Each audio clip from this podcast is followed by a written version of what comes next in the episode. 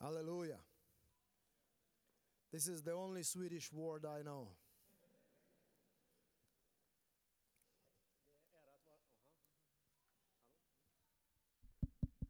Det är ära att vara här och predika för er. Вітання для усіх вас і подяка за ваші молитви від е, народу і християн України. Tack att ni ber för Ukraina. Eh, Vi, vi säger tack från hela Ukraina att ni ber för eh, vår situation där. Е, Наші офіцери високого рангу вони кажуть, те, що ми е, змогли встояти в перші місяці війни Російської Федерації проти нас, є чудом Божим і нічим іншим. Eh, De hö, höga officerer som eh, styr militären i Ukraina, de säger att det är Guds eh, under att vi har kunnat stå emot så pass långt. І кожного разу ми кажемо для них, вся справа в тому, що християни цілого світу моляться про Україну. Och vi från vår sida, vi förklarar för dem att alla kristna de, i hela världen, de ber för Ukraina, så därför По меншій мірі нам хочеться так вірити. vi vill tro i det, åtminstone. Тому, якщо ви не молилися до сьогодні, раптом хтось ще не молився до сьогодні, ми потребуємо вашої молитви. Om du har inte bett innan idag, du, du får börja be. Тому що лише молитва зберігає нас живими і дієвими. Det är bönen som håller oss igång och levande i kristen tro. Тому залишайтеся поруч з нами, будь ласка. Så stanna med oss och be. Завдяки вірі в Бога відкриємо наш текст в посланні до євреїв в 11 розділі. Eh, Vi ska läsa från Hebreerbrevet eh, kapitel 11. Я впевнений, що текст улюблений для багатьох із вас. Det är älskade text för alla här. І ми любимо читати про людей віри і мати їх за приклад. Och vi tycker om läsa om eh, trons människor. Я впевнений, що кожен знає перший вірш цього розділу на пам'ять. Eh, jag, jag är säker att alla kan eh, första versen från det här kapitlet. А якщо ви ще не знаєте перший вірш 11 розділу послання до євреїв на пам'ять, сьогодні, коли прийдете додому, вивчіть його до вечора. Så om ni kan inte det här verset till, eh, då får ni komma hem idag och lära den. Не сідайте Kapitel обідать, eh, ja, kapitel 11, vers 1. не сідайте обідать, поки не почнете вчити перший вірш. Ingen lunch innan ni har lärt den. Пастор Йорген, наступну неділю перевір, як вони вивчили перший вірш 11 розділу. Ja, pass, eh, Jörgen ska kolla det nästa söndag, om ni kan det. I will call you. Вера же есть осуществление ожидаемого и уверенность в невидимом. Tron är en övertygelse om det man hoppas, en vishet om ting som man inte ser. Класно звучить. Låter väldigt kult. Але як насправді це діє в щоденній практиці життя? Men hur funkar det i vardagens eh, liv? Щоби нам далеко не ходити, повернімося до Авраама, батька віри. Vi ska kolla på Abraham. І наш текст сьогодні 8, 9 і 10 вірші. Eh, Vår text idag är kapitel 11, vers 8, 9 och 10. Він названий батьком віри. Abraham är eh, kallat Faders. Тобто він може показати нам основи, може показати те, що стоїть краєугольними каменями віри будь-якої людини. Han kan visa oss vad är som är viktigt för oss och, vad, och vad, vem är hörnsten i våran tro. І, власне, це ж ключове питання життя будь-якої людини. Чи я вірю, довіряю? Och det är allra viktigaste frågan eh, för, för varje kristen troende, om, om man tror på Gud. Чи я і ти кожного дня довіряю Богові? Om du och jag litar på Gud varje dag. І якщо цієї впевненості немає, все інше мертва релігія. Om du inte är säker att du litar på Gud, då det kan bli en eh, bara religion. Faktiskt. І апостоли закликають нас самі себе випробовуйте, чи ви в вірі. Och apostlarna de säger att vi ska pröva oss om vi står i våran tro. Кожного разу, наближаючись до звершення заповіді Господа Ісуса Христа, ми маємо це повеління від апостола Павла. Самі себе випробовуйте. Apostlarna de säger när vi har eh, nattvården så vi ska pröva oss om vi står i våran tro. Отже, подивімось на Авраама. Låt oss eh, titta på Abraham. В чому його віра полягала? Eh, vad, vad är hans tro faktiskt? Чи ви пам'ятаєте, скільки людей воскресив із мертвих Авраам? Kommer ni ihåg hur många eh, döende har uppväckt till, till livet Abraham? Скільки е, демонів він вигнав із людей? Скажете мені, Hur сестри? många, hur många demoner han drev ut från, eh, från människor? А Скільки пророцтв він проголосив вслух для всього Харану? Hur många profetier han har talat ut? Чи він зробив якісь інші екстраординарні речі? Kanske han har gjort något annat som eh, unikt. Давайте прочитаємо. В чому полягала віра Авраама? Давайте прочитаємо. В чому полягала віра Авраама? Eh, vi vi läser vad, vad betyder Abrahams tro. Від початку восьмого розділу написано: Вірою Авраам повиновался призванию идти в страну, которую имел получить в наследие. Eh, vers 8. I tron lydde Abraham när han blev kallad att dra ut till ett land som han skulle få i arv och han gav sig iväg utan att veta vart han skulle komma. Його віра Богові полягала в одному простому дієслові. Послухався. Повиновався. Abrahams tro på Gud var endast ett ord, lyda på Gud. І це так само може бути основою моєї і твоєї віри в кожен день нашого життя. Och det kan vara eh, eh, viktigt för, för oss i våran vardagsliv. Послухався слова, покорився повелінню. Att man lyssnade på Guds ord och lydde. Ми маємо перед нами кожного дня нашу Біблію, яка відкриває нам Боже Слово. Vi har Bibel framför oss varje dag som öppnar Guds ord för oss. І моя віра визначається тим, чи я слухняний тому, що я читаю, чи я читаю його лише тому, що треба читати. Och våran tro kan, eh, eh, kan bevisas som om jag läser och gör det som står i Bibeln eller bara läser för att läsa. Кожне слово, кожне повеління, яке Євангелія відкриває нам, що з уст Бога походить, може бути основою для нашої віри в цей день. Varje ord som står skrivet i Bibeln kan vara eh, viktigt för oss i våra liv. Звичайно, диявол завжди веде боротьбу проти Божого Слова. Självklart, Satan han alltid strider emot det. Від Єдемського саду вслух кожної людини звучить це запитання, чи на правду сказав Бог? Från eh, allra början Satan alltid säger, är det verkligen tro Att det som står skrivet i Bibeln? Я його чую, ти його чуєш. Vi hörde alla, Але ми маємо перед нами приклад ізраїльського народу, який загинув у пустелі через неслухняність Божому Слову. vi har ett exempel i Bibeln, eh, eh, judafolket som var i, i öknen och dött där på grund av de inte lydde Gud. І кожного ранку я і ти обираємо бути як Авраам або бути як народ ізраїльський в пустелі. Och varje dag vi kan välja att vara som Abraham eller vara som Judas folk. Наша слухняність написаному слову є одним із наріжних каменів нашої віри.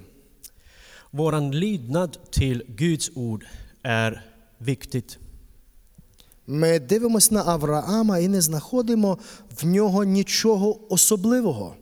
När vi tittar på Abraham så hittar vi inget som var riktigt unikt faktiskt. Читайте всю його історію в книзі буття, і ви побачите, що це простий чоловік, який слухався Бога. І все. Eh, När vi läser om Abraham, vi, vi kan se att han var en vanlig människa som bara lyssnade på Gud. Тому, щоб запам'ятати, в чому була віра Авраама, давайте це слово скажемо разом: слухняність. Eh, För att förstå, vi, eh, låt oss säga tillsammans att eh, Abrahams eh, viktig punkt i livet var att lyda Gud. Слухняність.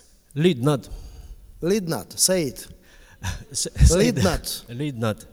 І йдемо далі. Vi В цьому ж наступ, в цьому ж восьмому вірші написана друга важлива річ, яка була частиною віри Авраама. Eh, В цьому, eh, i, I samma vers, så, eh, nästa del, så eh, det finns ett annat väldigt viktigt sak. І пішов, не зная, куди йде. Och han gav sig iväg utan att veta vart han skulle komma. Пішов, Han gick bara. пішов. Більше того, він навіть не знав, куди він іде. Abraham visste inte var ska han ta vägen faktiskt. Люди можуть по-різному оцінювати таку його, його дію, Eh, vi kan bedöma sådana gärningar som, eh, eh, på olika sätt.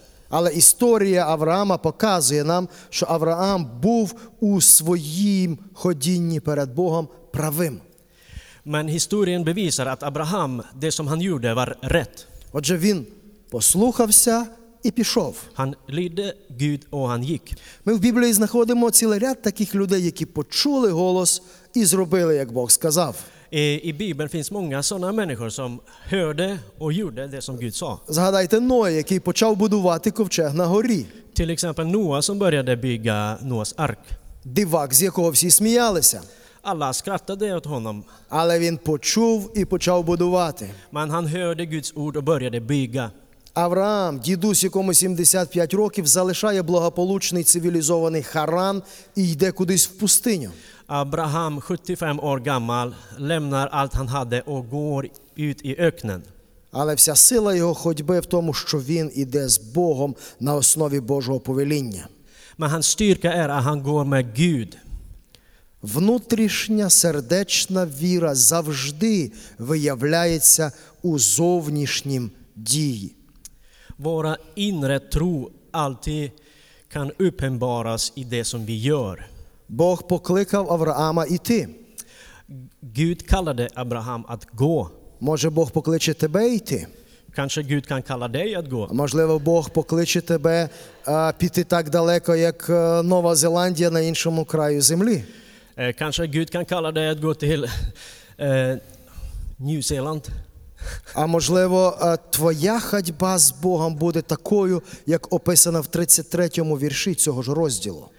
Eh, kanske din, eh, din gående inför Gud kan vara samma som vers 33 här i samma kapitel. Вірою перемагали царства, творили правду, отримували обітниці, закривали вуста левів, гасили силу вогню, втікали від меча, укріплялись від немочі, були міцні на війні, проганяли полки чужих, жінки отримували мертвих своїх воскресшими і так далі. Genom tron besegrade de kungariket, skippade rätt, fick löften uppfyllda, stängde lejons gap, släckte rasande eld och undkom, undkom svärdets ägg. Ми не знаємо в завтрашньому дні, що Бог повелить нам і якою має бути наша дія. Vi vet inte vad Gud kommer säga till oss imorgon och vad han, och vad han vill att vi ska göra imorgon. Але досвід нашого ходіння з Богом вчора і позавчора дозволяє нам з впевненістю дивитись в завтрашній день. Men det som vi gjorde igår och idag med Gud, Якщо ці люди через тисячоліття історії показують нам приклад, починаючи від Авраама, ми теж зможемо. det som vi gjorde igår och idag, då kan vi med säkerhet att kolla framåt i morgondagen. Och eh, historien har bevisat det som eh, så, trons människor gjorde för tusen år tillbaka. 8 березня е, російські окупанти захопили молодого групу молодих е, людей, четверо братів в Херсоні на півдні України. Eh, Den 8 mars, eh, rysk militär tog i gisslan eh, fyra eh, kristna i Cherson. Вони утримували їх протягом а, трьох місяців. Eh, De satt fängslade under tre månader. Батьки навіть не знали, чи вони живі, чи вони вже давно загинули. Deras föräldrar visste inte om de var levande eller, eller de har dött. Але е, церкви по всій Україні і по цілому світові знали про цих чотирьох юнаків і молилися про них постійно. Men alla vi och kristna visste om de fyra unga män och vi bett för dem faktiskt. І коли врешті-решт в червні місяці їх повернули їхнім сім'ям, це було неймовірне диво. Och när de eh, var tillbaka till deras familjer under, eh, efter väldigt lång tid, det var väldigt stor under. Один із них, який є сином пастора, розказував нам пізніше. En av dem är son till en pastor där. Och han berättade. Е, Солдати били всіх, хто були в камері раз за разом. Eh, soldater de bara slog alla som var i kammaren där. Вони поламали їм ребра, повибивали їм зуби, повибивали їм очі, повідрізали їм вуха.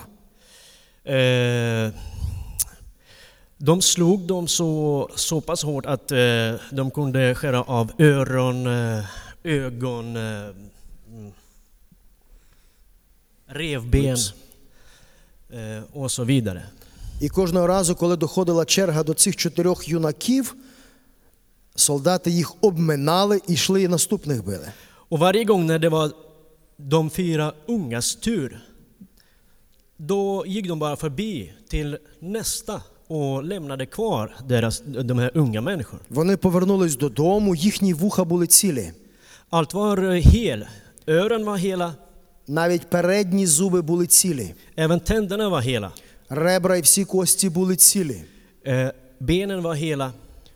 І для людей це було неймовірне диво, як це можливо. Och det var väldigt stor under. Hur är det möjligt?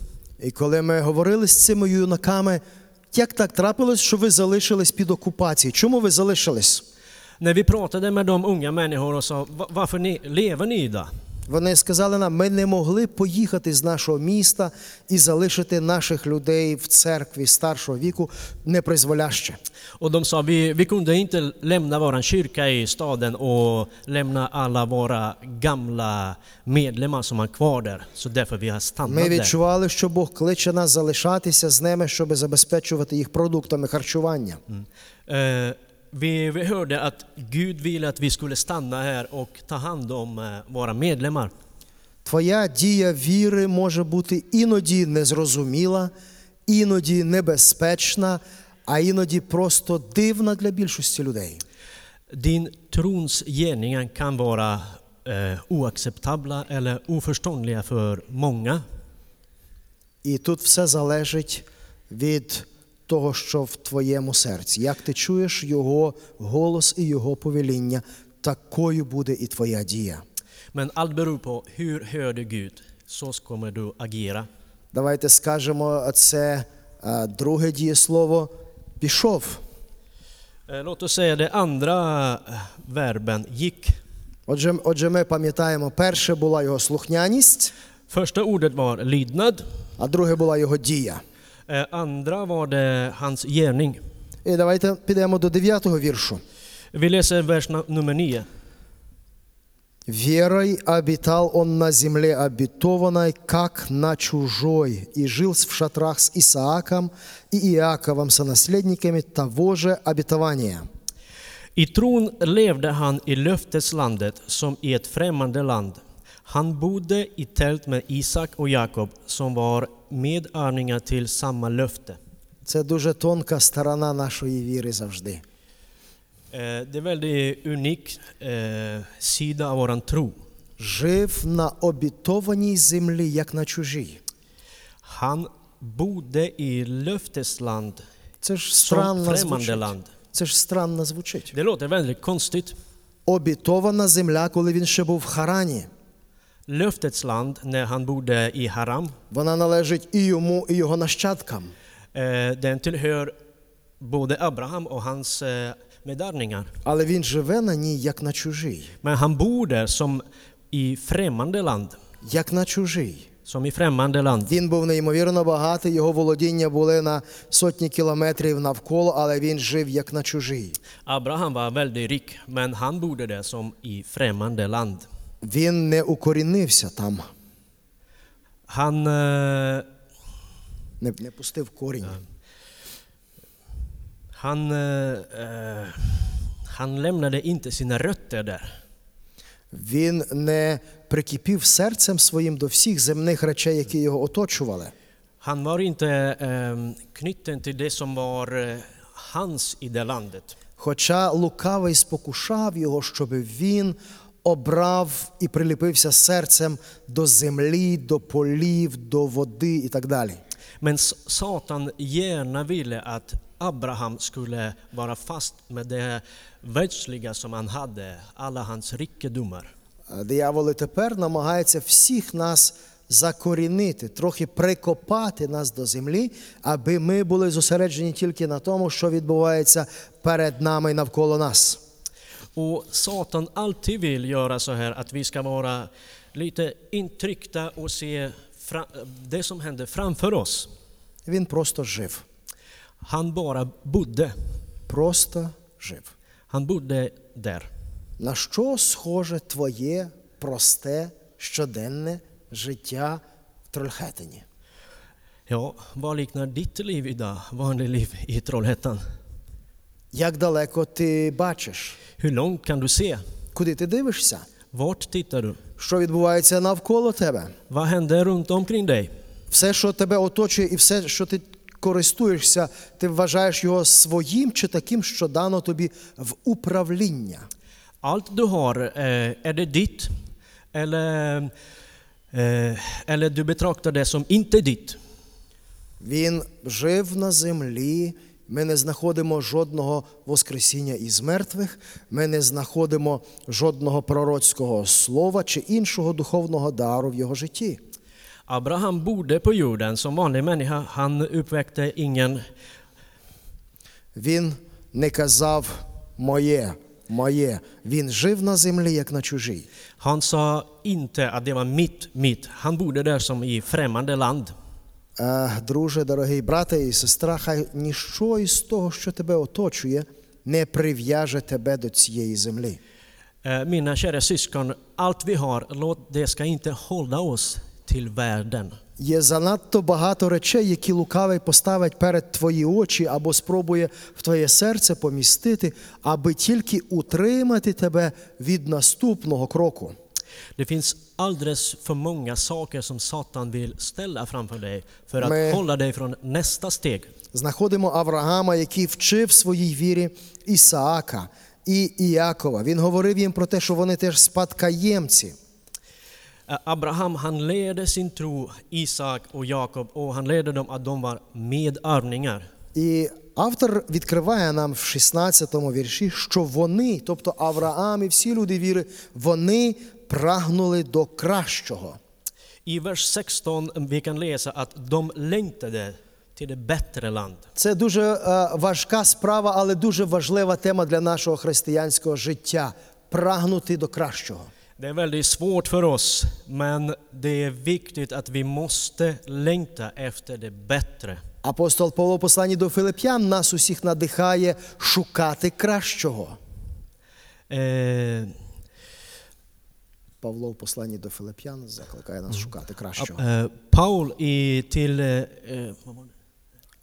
Филип'ян. I Filipperbrevet, han kallar oss att söka det bättre.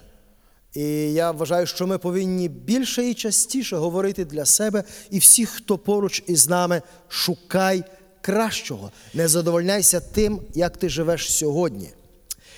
Eh, jag vill säga att vi ska söka bättre, men inte vara nöjda det som vi har i Gud idag.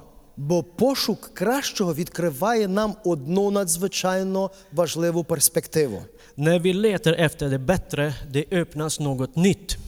Е, Друга половина 16 віршу Бог не соромиться їх і називає себе їх Богом. Jag läser andra eh, halvan av eh, vers 16.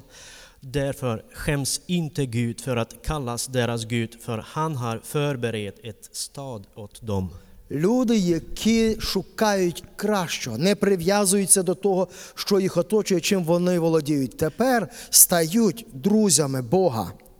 De som söker bättre, de är inte beroende av det som de har idag. Och de, och de blir Guds... Eh, Стають другом, друзями Бога. De blir Guds vänner. Ми дивимося на ці краєугольні камені віри Авраама, нагадуємо для себе. Він послухався, Vi, och när vi tittar på Abraham så, så ser vi att han, han lydde Gud. він пішов, Han gick, жив на землі як на чужій, han bodde i, i, i det landet som i främmande land. І останнє четверте в нього знаходимо. Він очікував міста, десятий вірш. Він очікував міста, яке мало основу, якого художник і будівничий сам Бог. I sista, för Abraham väntade på staden med de fasta grundvalarna vars byggmästare och skapare är Gud. Очікував міста, Han väntade på ett stad. жив для міста. Han bodde för den staden. І ми можемо кожен тепер е, згадати в своїй пам'яті, коли я останній раз думав про це місто. Och vi kan fråga oss själva, när var det sist jag eh, tänkte på den här himmelska staden? От візьміть 5 секунд і перевірте себе, коли останній раз ти думав про це місто. Ni kan ta fem sekunder och tänka lite. När var det sist ni tänkte på den himmelska staden? Замість бути прив'язаним до землі, на якій ми маємо жити як на чужій, Авраам очікував міста. Istället att nöja sig med det som vi har på jorden. Abraham alltid tänkte på det som är framför honom, den І himmelska віра staden. завжди очікує. Och tron den alltid väntar. Віра завжди очікує. Віра понад надію сподівається. Tron den alltid väntar överallt. Ще одне е, завдання для вас, якщо ви зараз не згадали, коли останній раз ви очікували чи думали про місто. Om du kommer inte ihåg när du sist tänkte på den himmelska staden. Коли повернетесь додому, відкрийте книгу відкриття, 21 розділ. När du går hem idag så öppna Uppenbarelseboken eh, kapitel 21. Від е, початку розділу Іоанн описує красоту славного міста, нового Єрусалиму, приготованого Богом. Eh, Från början där Johannes beskriver hur det ser fantastiskt ut där. І там відкривається Божа слава. Och där öppnas Guds І там агнець härlighet. Божий у всій його величі. Där Jesus är i all sin härlighet. І для нас усіх неймовірно важливий цей останній елемент очікувати міста. Och för oss det är väldigt viktigt att vänta på den himmelska staden. Скільки раз за день твій дух спонукає тебе сказати, Господи, гряди. Hur många gånger om dagen du säger till Gud, kom Herre. Скільки раз твоя віра протягом дня спонукує тебе молитися і сказати, Господи, прийди. Hur många gånger under dagen din tro tvingar dig säga Gud, kom idag. Історія Авраама показує нам багато цих важливих деталей, в чому полягало його очікування. Historien visar vad, vad Abrahams tro betyder för honom. Книга буття розкриває нам активність Авраама, взаємостосунки його, всю комунікацію з прилеглими племенами, царями і вельможами. Ja, I Moseböcken så vi, vi kan läsa mycket vad Abraham gjorde under sitt, eh, under sitt liv. Всі знали його як людину, яка є другом Бога. Alla visste att Abraham var Guds vän. Його віра була відома для них усіх. Hans tro, eh, de visste om Abrahams tro. Чи люди, поруч з якими ти живеш, працюєш, навчаєшся, вони знають, що ти очікуєш міста. Du som jobbar med många eller går med, med många, vet de om din tro att du väntar på den himmelska staden?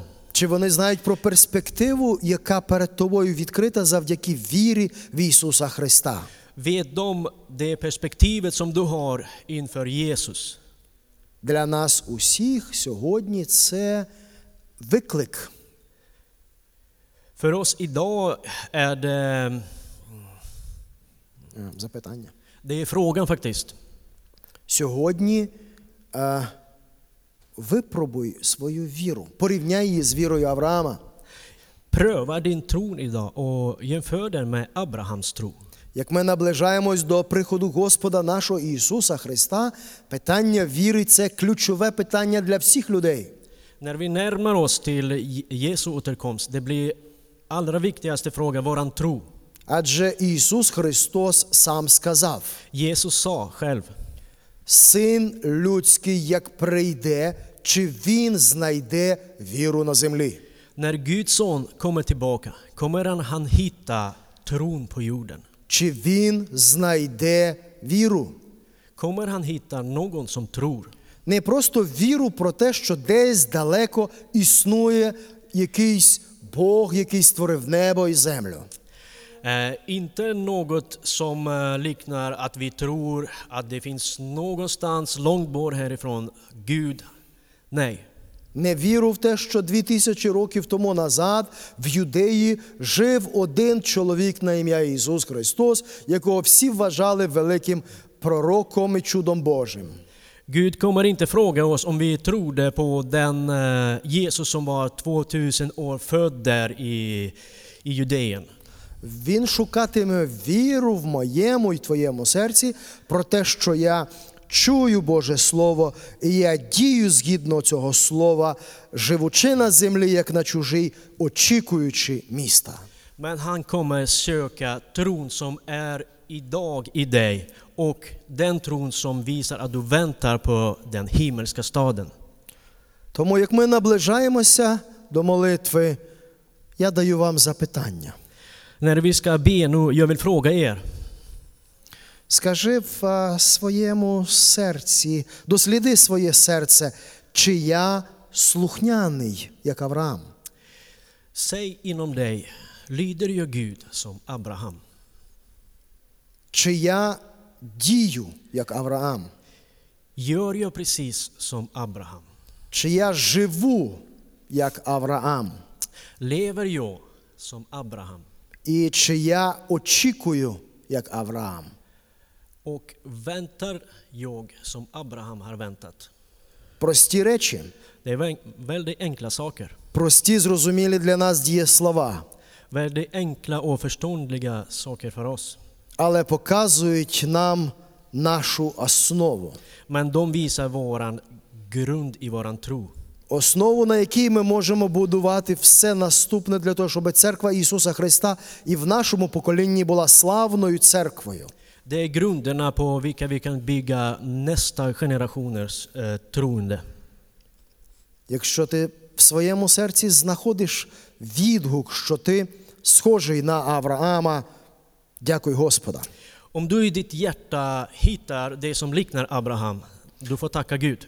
Якщо раптом ти бачиш, що ти не слухняний, не дієш, не живеш, не очікуєш так, як Авраам, почни робити це сьогодні.